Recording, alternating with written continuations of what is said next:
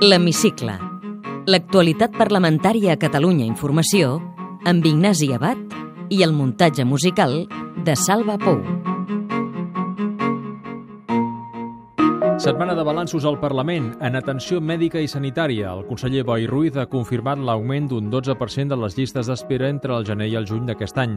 El nombre de pacients pendents d'operacions de cor, a més, s'ha disparat un 30%. Per això, el Departament de Salut prepara un pla de xoc en cirurgia cardíaca. L'increment del número de pacients cardiològics ens ha fet iniciar un programa després de l'estiu per abordar aquest increment, eh, les esperes que teníem de, detectades en el mes de juny. Boi Ruiz també va reiterar el seu suport al director del CatSalut, Josep Maria Pedrosa, davant la polèmica pel seu vincle amb empreses privades del sector sanitari. Pedrosa admet que constava com a apoderat d'algunes societats proveïdores de la sanitat pública. I diu que són aquestes empreses les que havien de revocar els seus poders. La meva obligació com a director del servei, el meu apartama de tot aquest procés perquè no se'n pugui vincular o pugui jo viciar tot aquest procés del concurs. L'oposició no ho veu igual. Sentim la diputada del PP, Eva Garcia, La socialista Marina Geli, José Manuel Villegas, de Ciutadans, Josep Vendrell d'Iniciativa, i Isabel Vallet, de la CUP. senyor Pedrosa suposadament havia contractat els serveis de sis empreses de les quals vostè n'era apoderat, teòricament. Convindrà amb mi, senyor Pedrosa, que com a mínim això és lleig. El que ha generat dubtes és que vostè continuava tenint poders, però hem entès no efectius. Ustedes han hablado aquí de poderes efectivos o no efectivos. No existen poderes efectivos o no efectivos. O hay poderes o no hay poderes. agafant la llei, la literalitat de la llei, ens porta a demanar-li la seva dimissió. No cal saber lleis per a saber que si des del punt de vista legal no acaba d'estar clar, des del punt de vista ètic i social no és just i encara espanta més l'actitud del conseller, que ho considera no normal. A més de Boi Ruiz, aquesta setmana també ha compregut el titular d'Interior i dues vegades. Ramon Espadaler va informar dimecres sobre l'enquesta de seguretat pública que constata una millora en aquest àmbit. La victimització és aquesta, aquesta sensació d'haver estat, o certesa d'haver estat, víctima de- d'un delicte, de- d'una falta, d'un d'un il·lícit. Ha disminuït per tercer any consecutiu. Ha baixat fins al 16%. Fa tres anys estaven en el 20%. Espadaler va tornar dijous a la seu legislativa per fer balanç de la campanya contra els incendis aquest estiu. El 2013 és l'any amb menys superfície cremada de l'última dècada. Menys de 500 hectàrees calcinades en 480 incendis. L'eficàcia i la professionalitat dels bombers ha quedat palès en aquesta campanya forestal. Han cremat les esmentades hectàrees forestals, 493 amb 51, d'un potencial de 23.000. Els ànims s'han refredat una mica al Parlament després de la tensió de l'últim ple. La Junta Extraordinària de Portaveus de dimarts ha ajudat a pacificar la situació. La presidenta Núria de Gispert admet que alguns grups la critiquin per falta de neutralitat, tot i considerar que ordena els debats de forma justa. tothom pot ser millor, segur, i tothom pot fer les coses millor. Sabent que pot haver aquesta percepció, el que intentaré és cuidar més l'atenció en els diputats i diputades. Els portaveus del PP i Ciutadans, Enric Millo i Jordi Canyes, haurien volgut una disculpa, però donen per bones les explicacions de la presidenta. Li hem demanat dues coses. Una, el reconeixement de que les coses no les havia fet bé i dos, el compromís de rectificació. I les dues coses entenem que han estat satisfetes. Creo que hubiera sido un ejercicio de responsabilidad el haber pedido disculpas por unas palabras que están absolutamente fuera de tono. Pero más allá de eso, vamos a confiar en que las palabras de la presidenta, asumiendo esa voluntad de comportarse de una forma equitativa, las va a cumplir.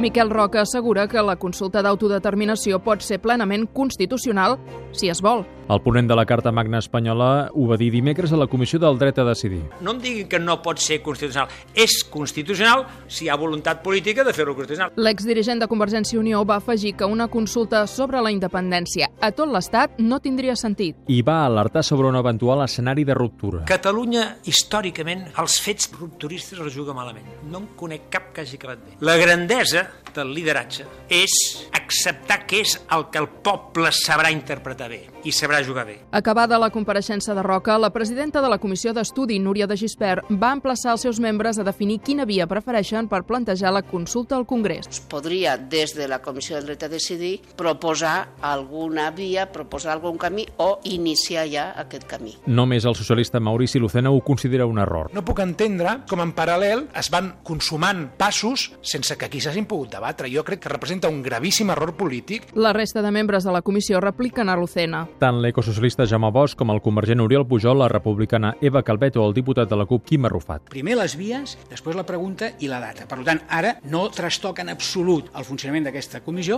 el fet de que comencem a preparar ja i que el ple del Parlament acordi enviar-ho al Congrés de Diputats. No considerem que hi hagi cap pèrdua de temps si en paral·lel anem treballant part de la feina d'aquesta comissió assessora amb el mecanisme d'establir la via legal. Sí que és democràticament transcendent avançant les vies que l'informe del Consell Assessor per la Transició Nacional acota. Senyor Maurici Lucena, intenti persuadir-nos que el full de ruta que vostè proposa, és a dir, sobretot no facin cap pas endavant sense que no hi hagi la seguretat de que hi ha un diàleg obert, que tot això pot servir per alguna cosa. Per cert, que l'exportaveu de Batasuna, Arnaldo Tegui, ha renunciat a fer aportacions per escrit a la Comissió d'Estudi sobre el dret a decidir, com li va demanar el grup mixt.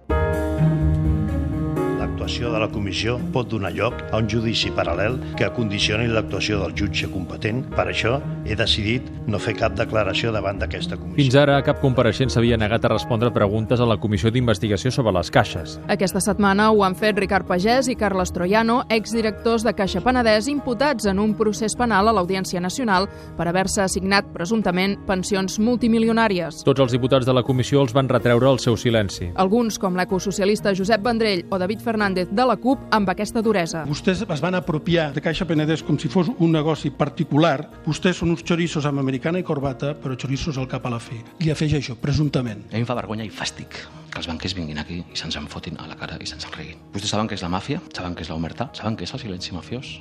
Doncs comprin-se un mirall, se'l posen al davant i veuran la màfia i la omertà al davant. Aquesta setmana han començat les compareixences d'experts per valorar el projecte de llei d'accessibilitat. Josefa Cabiscol, del Col·legi de Treball Social. Els valors s'aprenen vivint-los. En els plans d'estudi, jo diria des del primer curs, perquè no pot ser que a quart de carrera o a quart de grau, un dia de pressa i corrents cap al final de curs, que els estudiants ja no hi van, se'ls hi parli d'accessibilitat, perquè és un tema molt seriós. Jordi Guasc, del Col·legi d'Enginyers Industrials. La disposició final tercera parla de que un termini de 3 anys per l'aprovació del decret. 3 anys crec que són molts anys perquè clar, sense aquesta aprovació la llei no queda operativa. Vicente Botella, de la patronal de petites i mitjanes residències. Si en una època actual de crisi com la que tenim s'ha aconseguit és posar d'acord a tot el sector. eh, Aquest és un mèrit de la conselleria, sí senyor. I un dels capdals és la inspecció. Que la inspecció siguessi de manera espontània i improvisa quan hi hagués algun tipus de denúncia, que si no, no se'ns tractés com la presumpció de culpabilitat per davant crec que tothom està d'acord amb que ha de ser una comissió útil. La comissió de seguiment de polítiques contra l'atur s'ha posat en marxa. Es reunirà un cop al mes i, segons el seu president Enric Millor, farà almenys un informe per període de sessions. Que seria bo que la comissió comencés tenint un recull de documentació i dades en relació a la situació del mercat de treball avui a Catalunya. El Parlament ha commemorat el Dia Mundial del Càncer de Mama amb la presentació del llibre 703 preguntes, 703 respostes, l'odissea del càncer de mama del doctor Jordi Estapé. Jo, que porto 40 anys llargs tractant dones amb càncer de mama, sé, senyores, que tenim càncer de mama és una autèntica odissea. Però, a diferència de l'odissea, el càncer de mama encara no ha arribat a Ítaca, perquè a l'estat espanyol encara tenim 25.000 casos cada any i encara moren més de 6.000 dones cada any. La mateixa presidenta de la cambra, Núria Gispert va superar un càncer de mama com va recordar ella mateixa. Jo també he estat malalta de càncer de mama. Segur que em moriré d'una altra cosa. D'això ja no, perquè ja fa 18 anys. Però realment vaig tenir aquesta sensació d'impotència, aquesta sensació de dir per què a mi i per què ara. De bon humor. Abans del qüestionari, un moment de distensió política. Les comissions parlamentàries duren moltes hores i de vegades cal fer una pausa. Fem una petita pausa, no? Sí?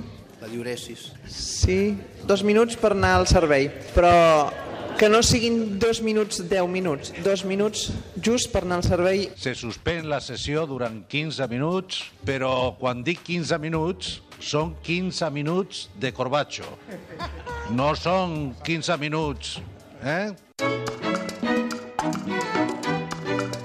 té la paraula. Victòria Forns, diputada de Convergència i Unió, i a més a més sóc portaveu i cap de l'oposició a l'Ajuntament de Tarragona per Convergència i Unió. En una frase.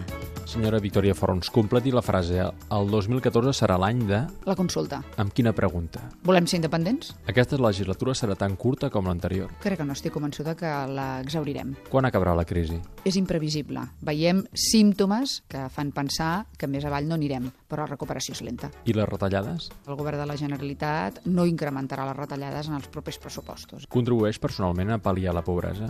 Soc membre de diferents organismes no governamentals, Càritas, ACNUR, Aldees Infantiles i Creu Roja. Ha estat mai a la cua de l'atur? A punt a punt. Si es queda sense feina, quina és la primera porta que truca? Home, i la família segur. Quan paga de lloguer o hipoteca? Ara mateix uns 700 i escaig euros d'hipoteca. Ha cobrat o pagat mai en negre? No he cobrat mai en negre, no he pagat mai en negre. Posaria la mà al foc que al seu partit ningú ha comès mai cap irregularitat. Jo no sóc jutge i per tant no m'erigiré jutge de ningú. Tenim exemples més que evidents de que han estat imputats alguns diputats, per exemple, i després la causa s'ha hagut d'arxivar perquè no hi havia cap implicació. Entre ells, Ferran Falcó, company meu diputat al Parlament.